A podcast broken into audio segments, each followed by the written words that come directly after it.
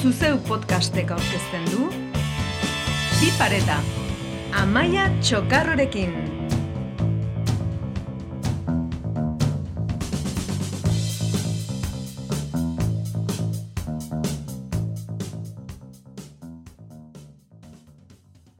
Hemezortzi urterekin gutxi gora bera behartuak izaten gara gure etorkizunaren nondik norakoa erabakitzera.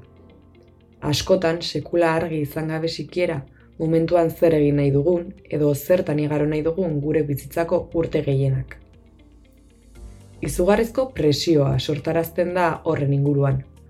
Notak direla eta, etxetik kanpo joatea dela eta, bata edo bestea hautatzearen beharra. Presioa gainera, hainbat bideetatik datorkigu. Izan familiaren gandik, ikastolaren gandik, lagunen gandik, baina zalantzarik gabe presio gehiena unibertsitatearekin lotuta dator. Oraindik ere, guztiz zabaldua dago unibertsitatera joateren prestigioa eta exigentzia. Etorkizun on bat izateko aukera bakarra, balitz bezala onartuta gure gizartean. Hamaika bide eta aukera desberdin daude eskuragarri, ez dugu zertan bat bakarra aukeratu, Eta hala ere jarraitzen dugu unibertsitatera joatea arrakasta eta gehiagotasunarekin lotzen ein handi batean.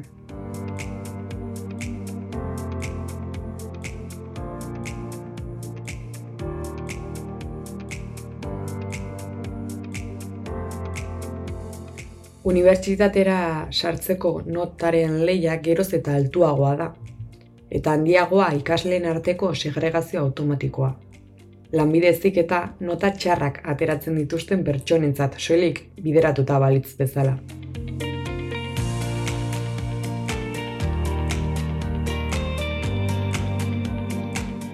Estigma eta zentzugabekeri hauek guztiak puskatzeko gaurko atalean Peio González dugu. Lanbide eziketa egin ondoren unibertsitatean bi ingenieritza egindakoa. Orain gainera, lanbide eziketan irakasle gisa jarduten duena.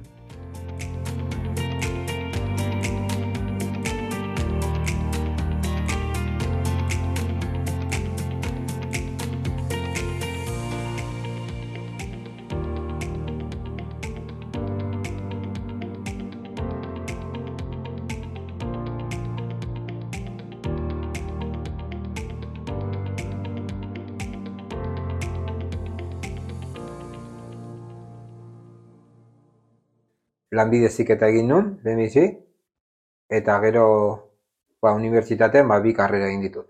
Vale? Ingenieritza teknikoa elektronikan eta gero ingenieritza superior dana e, antolakuntzan. Hasiera batean nire gurasoi, nire aurren, izan zioten, e, peio e, ikasketetarako ez da, ez da ona, eta lanean ezin behar da. Lanbide ziketa egin behar du. Bueno, hori igual esan guztiz egia, baina nik uste nun hori gia zela eta eta horrela zen nintzen.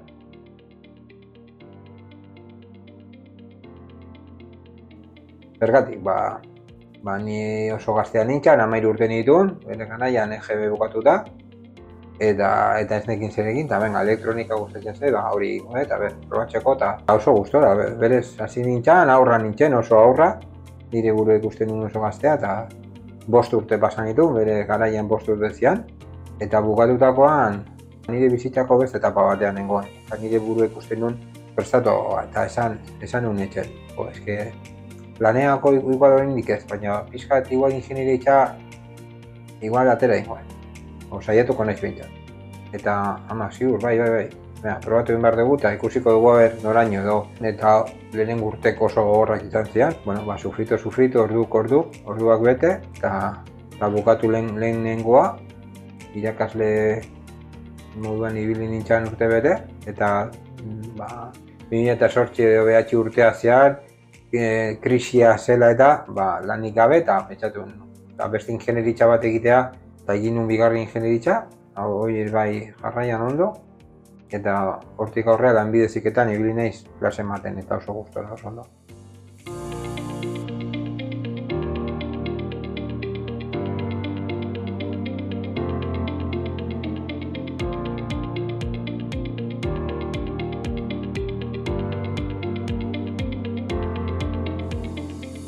Gutako askok eta askok, pentsatu gabe edo erabakia birplanteatzeko tartea eduki gabe egin dugu unibertsitateko klasetara salto. Gerora, behin bertan murgilduta egonda orduan bai, birplanteatuz hartutako erabakia. Hau da ere usuri urrateren kasua, hogeita bat urteko urretxutarra. Mondragon Unibertsitateko ikusentzunezko komunikazioko gradua hasi zuen 2008an. Ikasi nahi zuenaz, guztiz ziur egon gabe. Lehenengo ikasturtea burututa, graduaren bigarren ikasturteko erdialdean unibertsitatea uztearen erabakia hartu zuen. Lanbide eziketak eskaintzen zion diseinu grafikoko ikasketak burutzeko. Eta gaur, bere esperientziak gurekin partekatu du.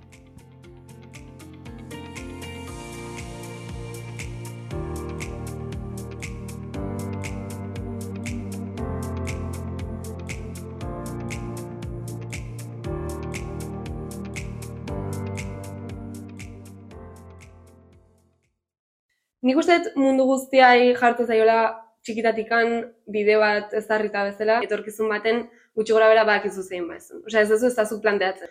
Orduan, e, aurretikan banekin horin barnola, zen mundu guztik hori ez eta aurretikan irtetza arraro iruditzen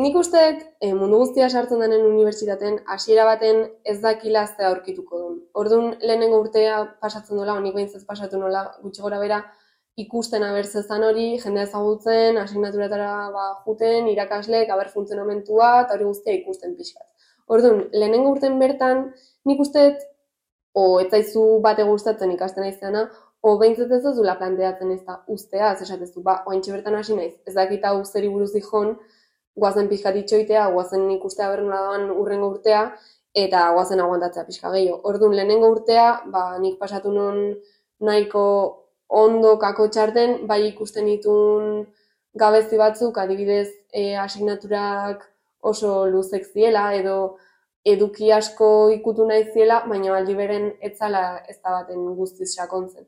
Baina erabaki non jarraitzea, ba, ikusteko aber urrengo urtetan gauzak aldatza zian, edo berdin jarraitzen zuten. Eta bigarren urtea iritsi zanen ja benetan ikusi non edukiaz gain eta denboraz gain ez nintzela ikasten gauzak gero lan mundura juteakon ondo etorriko zitzezkeanak. Osea, unibertsitatek prestatzea izu azken finen moduloa aprobatzeko, azterketa bat aprobatzeko edo lan bat aurrera eramateko, baina ez lan erreala, sino klasik emandako lan bat ez da ez dana beti errealitatean ispilu. Eta nik uste dut e, lan bide eziketan guztiz kontrakoa dela. Lan bide eziketan lantzen dezun eduki guztia gero lan mundua ibeira dago, ez azterketa bat aprobatzeai. Orduan, nik horri ikusten duten kriston aldaketa da, unibertsitaten bi urte, oza, bigarren urten utzi non, eta lanbideziketan oain bigarren urtekin hasiko naiz, eta aurten ja buka dut, eta nik unibertsitaten lehenengo urten ez non ezer ikasi, Osea, bai, baina oso gutxi, eta lanbideziketan gauza piloa ikasitu.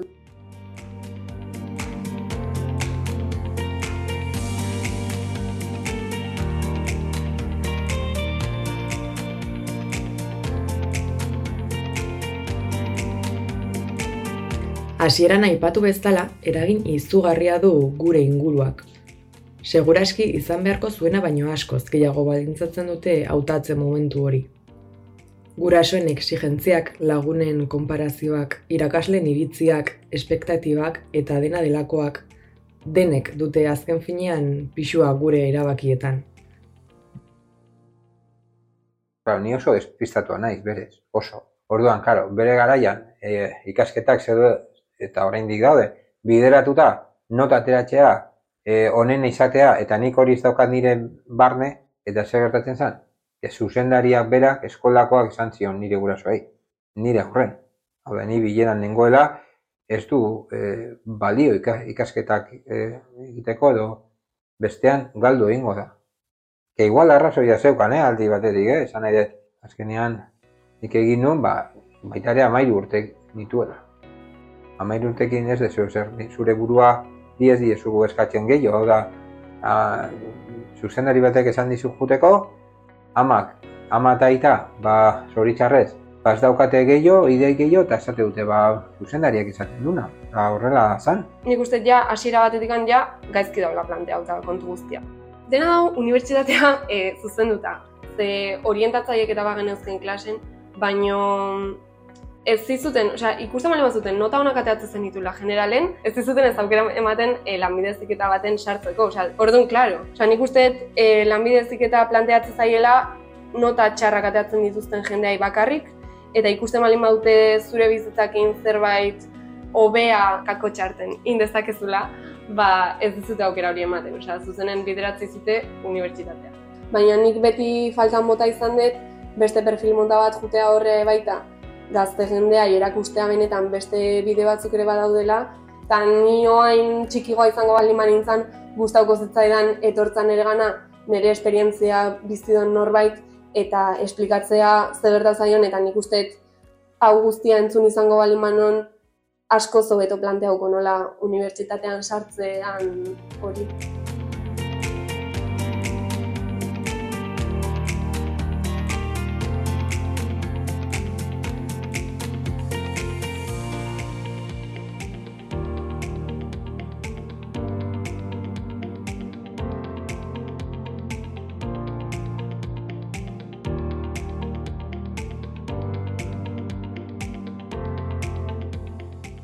Nik uste jende asko dauna ez tona ez alderatzen dauden aukerak eta ez da ondo pentsatzen ez da zen nahi duen. Guraso guztik azkenen ikusita behien e, iragana eta ikasi ezin izan dutela asko edo, bombo asko ematen diote unibertsitateai. Aitona monek baita, lagun guztik gehienek e baita e, esplikazio ematea etortzen zaizun jendea kanpotikan behaiek zein duten eta zakitze unibertsitateko kria. Ordun jende guztik asumitzen du nola baik inkonstienteki unibertsitatea jutea dela indarra da ona. Baino lanbide ziketan ebaitan ikusten erakusten dizuten bakarra dela, ba igual, e, kotxen mekaniko izateko gradon bat edo mekanizado edo olako, osea, zuri gero benetan ez dizute erakusten adibidez diseinu grafikoa egiteko aukera daukezula e, lanbideziketan. Orduan, nik uste gaur egun lanbideziketan kriston eskaintza daola berez, baino jendek ez dakila hori, ze ematen do lanbideziketa bakarrik dela e, klasen suspenditzen duen jendeantzako edo bost batekin justo-justo pasatzen dienentzako eta ba, bukau behar dutela o mekanikok izaten edo kotxe konpontzen o e, fabrika baten lanen edo piezak iten. Eta ez, osea, lanbideziketa horrez gain asko zo esparru gehiotera iristen da eta ez dago jakintza hori. Porque klasetan ere ez dute erakutsi nahi edo ez dute erakusten. Ikuste jendek hori guztia jakin izango balu benetan planteamentua oso desberdin izango zala, baina azkenen nola hau zagoko kasko egiten don, ba, pena bada.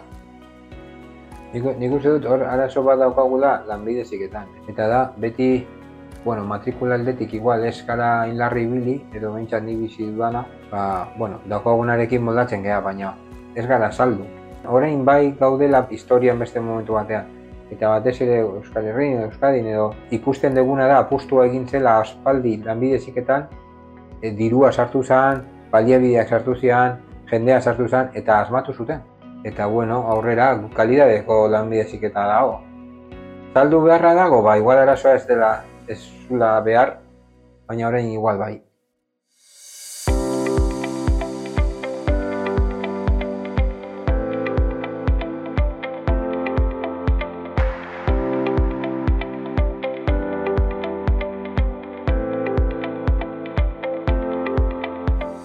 Ezin dugu esan bata bestea baino hobea denik. Desberdinak dira. Unibertsitateak ikasketa prozesu luzeagoa jorratzen du, modu askoz teorikoago batean, esparru ere zabalago bat eskainiz. Lanbide eziketak aldiz, kasu honetan, denboraz laburragoa izateaz gain, metodologia askoz teknikoago batean ematen da, eta espezifikoagoa. Arazoa dator, norberaren obebearrez edo gustuz hautatu ordez, pertsonaren ikasteko gaitasunaren arabera hautatzen dela bata edo bestea. Inolako zentzurik gabe.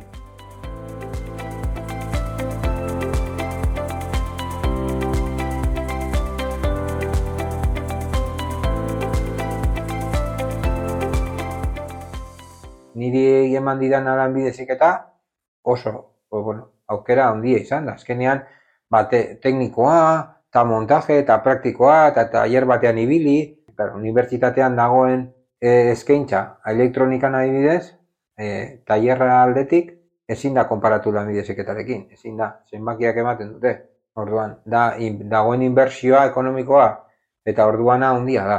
Orduan, e, unibertsitateak ematen dizu beste aukera batzuk, dauken ona da, argazki orokorratzen duzula, baina gero teknik e, e, ez espezifikoa, azkenean, adibidez, nik e, elektronika ikasi nula, ez duzu sakontzen, e, ez duzu menperatzen edo ez dituzu praktikak egiten zerbaitetan, asko. Hau da, praktika orduak oso gutxi dira. E, ordu asko ematen dituzu ikasten, asko, paper baten aurren asko, baino gero e, zerbait fisiko baten aurrean eta montatu eta probatu eta egin eta, eta ordu pilo bat hor sartzen ez, ez daukazu. Eta ulertzen dut unibertsitatea aukera hori ez daukela kopuruen gatik. Egun da hogeita mar ez dira hogeita bost.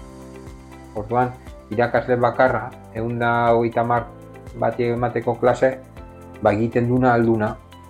Baina alduna da, ba, burriztua da. Ezkenik uste dut, unibertsitateen daola postureo asko.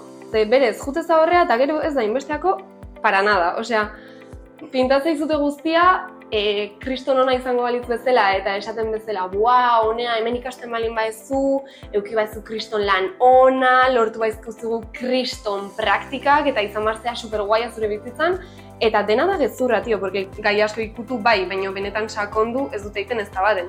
Eta nik uste hori lanbideziketakin alderauta, kriston diferentzia da, hola, ze lanbideziketan bi urte eta makarrik lantzen duzu eduki hori guztia, eta bi urte horiek bukautakon badakizu gauzak iten.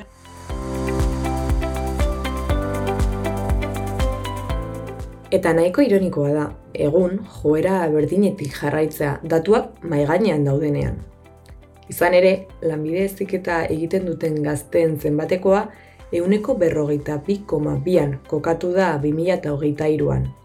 Unibertsitatekoaren eguneko hogeita emezortze koma bostarekin alderatuz. Hala ere, jarraitzen du unibertsitateak beste motatako ikasketen ondoan gain jartzen. Estatu mailan unibertsitatea amarretik zortzikuma bi batekin balioztatu baita, lanbidezik eta berriz lau koma larogeita biarekin, gain ditu ere ez eginez. Balorazio orokorrau, eramaten gaitu, kasu gehienetan, nolabaiteko aurreritzi zabal bat edukitzera unibertsitatera joaten ez diren pertsona horiekiko, eta bestetan, sikiera beste edozein bide planteatzeko malgutasuna ez edukitzera.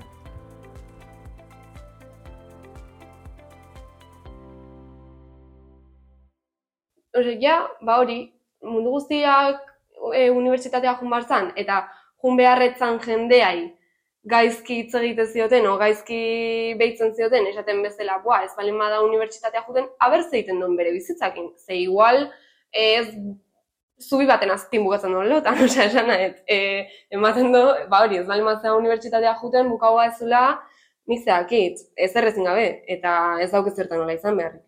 E, azkenian dena kontra daukazu, zen zure lagunak bestera juten dira, zuk lanbide ziketara, igual ez da oikoa, eta no es para los fracasados, no, azkenian e, saldi hori zaten da, no, para los fracasados. Jo, ni oso asko ikasi nun, eta gaina, nik e, aukeratutakoarekin oso arro eta oso posi bukatu nun oso.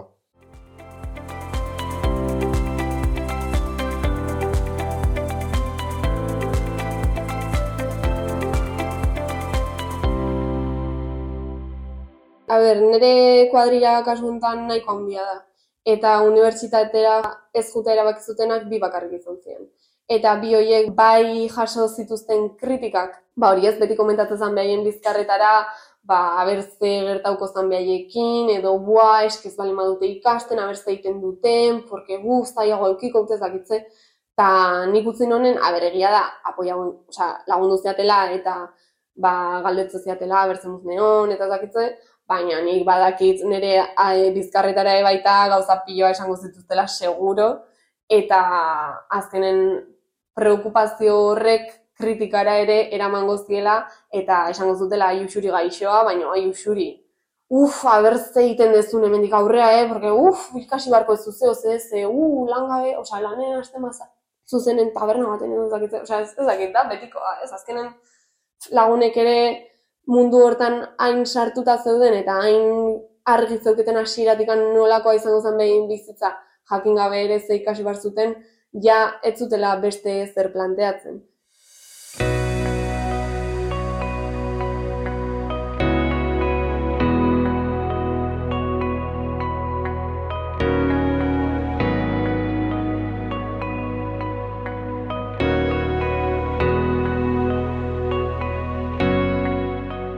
Zoritxarrez, presio gehien esartzen dutenak gurasoak izaten dira. Askok familiaren tradizioa dela eta behartuak sentitzen dira haien gurasoek ikasitako hori ere ikastera. Gustatu edo ez. Zaila da gurasoen espektatiba horien kontra joatea. Jakinda, gurasoen eguneko irurogeita seiak uste duela oraindik haien seme alaben arrakasta profesionala ikasketen aukeraketak baldintzatzen dutela presio hau izugarria bilakatzen da gehiengoarentzat, zuzenean gazten osasun mentalean eraginez. Gure kasuan adibidez edo nire kasuan nik esan, esan berret, nire gurasok ez didate inoiz eskatu e, askoz gehiago, baina baina nik ikusten dut beraietan ez du ez zutela aukera izan hori egiteko eta eta aukera nik nik neukan. Orduan ez didat eskatu, baina nik uste dut arro dauela edo e, egin dugunarekin gure belaunaldia eta da ikasi mar genuen, hori garbi dago, baina ikasi daiteke era batea edo bestea. Gure guraso, e, gurasoen presioangatik da, seguro. Zu behin hasten zerbaitetan eta suposatzen da bukau arte hor gelditu beharko zinela. Orduan, derrepente, iristea erabaki hori hartzea, benetan ikustezulako ez zaudelako ondo eta zure osasun mentala jokun daola, baino ez da erresa erabaki hortara iristea.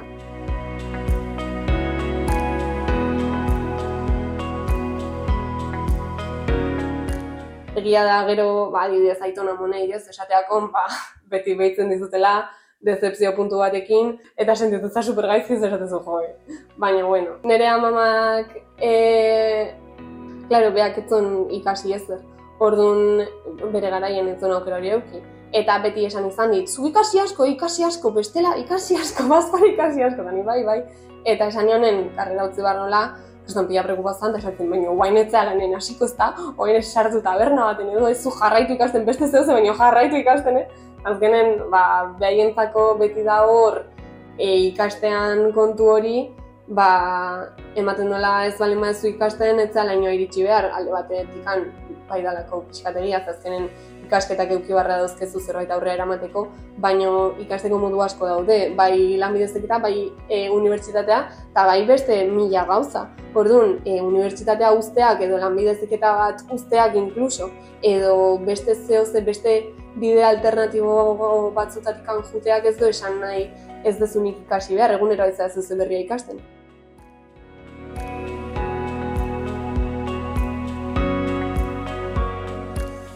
Estigmek egiten dute azken finean mito asko babestu eta zabaltzea. Beti izan dugu buruan unibertsitateak lan eskaintza handiagoa eta hobea eskainiko zigula. Hori izan delako saldo digutena. Baino ez du zertan, badago estatu mailan enplegu eskaintzaren aldea ere.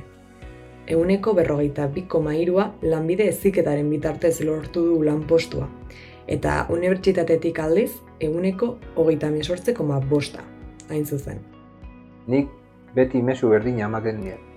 Da, hemen, txarrena, zuenetako txarrena, lan aurkituko du, seguro. Txarrena baita aurkituko du. Den orain gauden garaian, gauden momentuan, zenbakiak ematen dute. Teknikoak falta dira gipuzkoan. Teknikoak baina bos mila tekniko falta dira.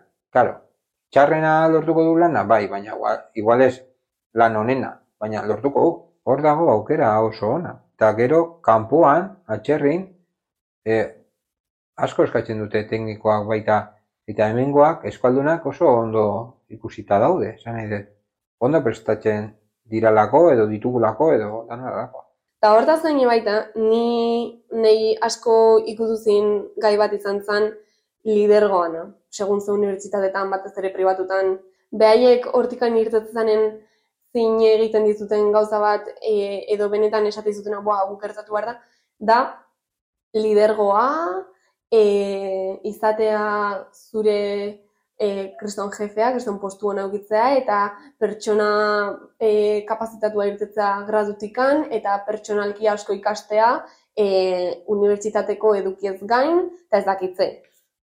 Pura txapa, pura patraina. Osea, nik usteet hori ez dela egia, ba, badaudela izateko modu asko, horietako asko egotea talde baten oso ona dela, eta bakoitzat gauza oso desberdin bat aldola aportau, eta igual, zuk gutxigo hitz egiten malin maezu, berdin-berdin alizuna lan guai bat aurrera eraman, eta ez daukezula zertan lan abiatzeko edo mundun zerbait izatea iristeko liderra izan beharrik. Osea, zualtzela izan, zean bezalakoa, eta jazta, eta hori da behar dana.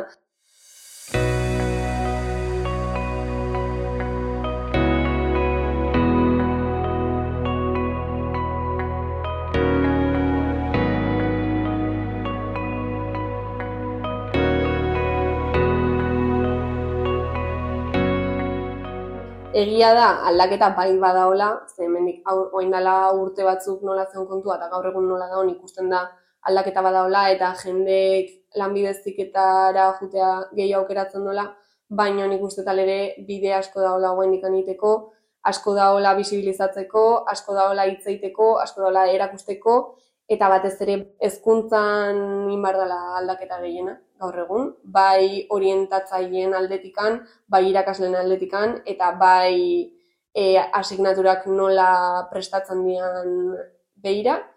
Eta, ez dakit, oza, aldaketa noski oaindikan iteko badago, eta ondia, baino jenden aldetikan ere egia da, ba, desberdin hartzen dira gauzak, eta badagola oain dala urte batzukin konparata aldea positiboki.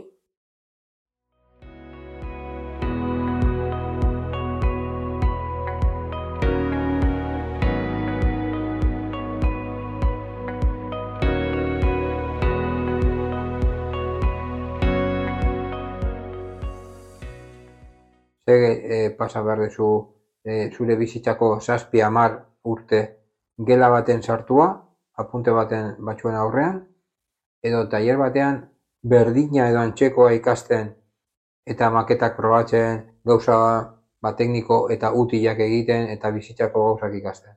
Ondo informatzeko eta hor bi, bi aukera daude eta nahi bali metuzu ikasketak jarraitu eta liburu baten aurren, ba, unibertsitatea da zure tokia. Baina, eta nahi bali mauzu zerbait ukitu eta pizka bat ba, beste gauz batzuk ikusi eta ba, hor lanbidezik eta hor dago.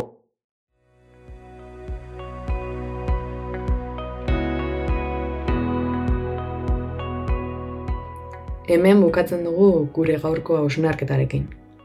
Denak du bere alde ona eta bere alde txarra. Denak du bere meritua. Ikasteko amaika modu desberen daude, ez dezala gizartearen presioak zurea baldintzatu. Eta izan gaitezen malguak, aukera guztiei merezi duten balorea emanez eta unibertsitatearen obsesioa alde batera utziz. Norberak bere erabakia ardezala askatasun osoz. Mila, mila esker peio eta uxuriri atal honetan zuen ikuspuntuak eta esperientziak mai gainean jartzeagatik.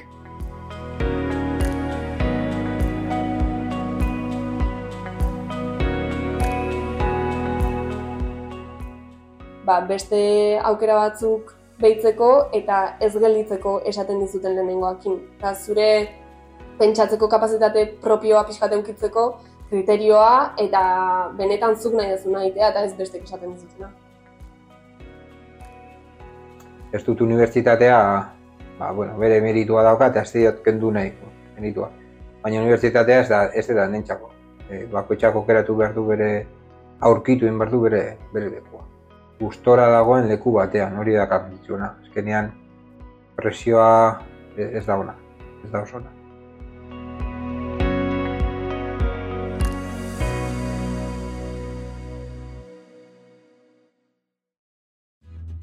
Zuzeu podcastek aurkezten du. Bi pareta Amaia Txokarrorekin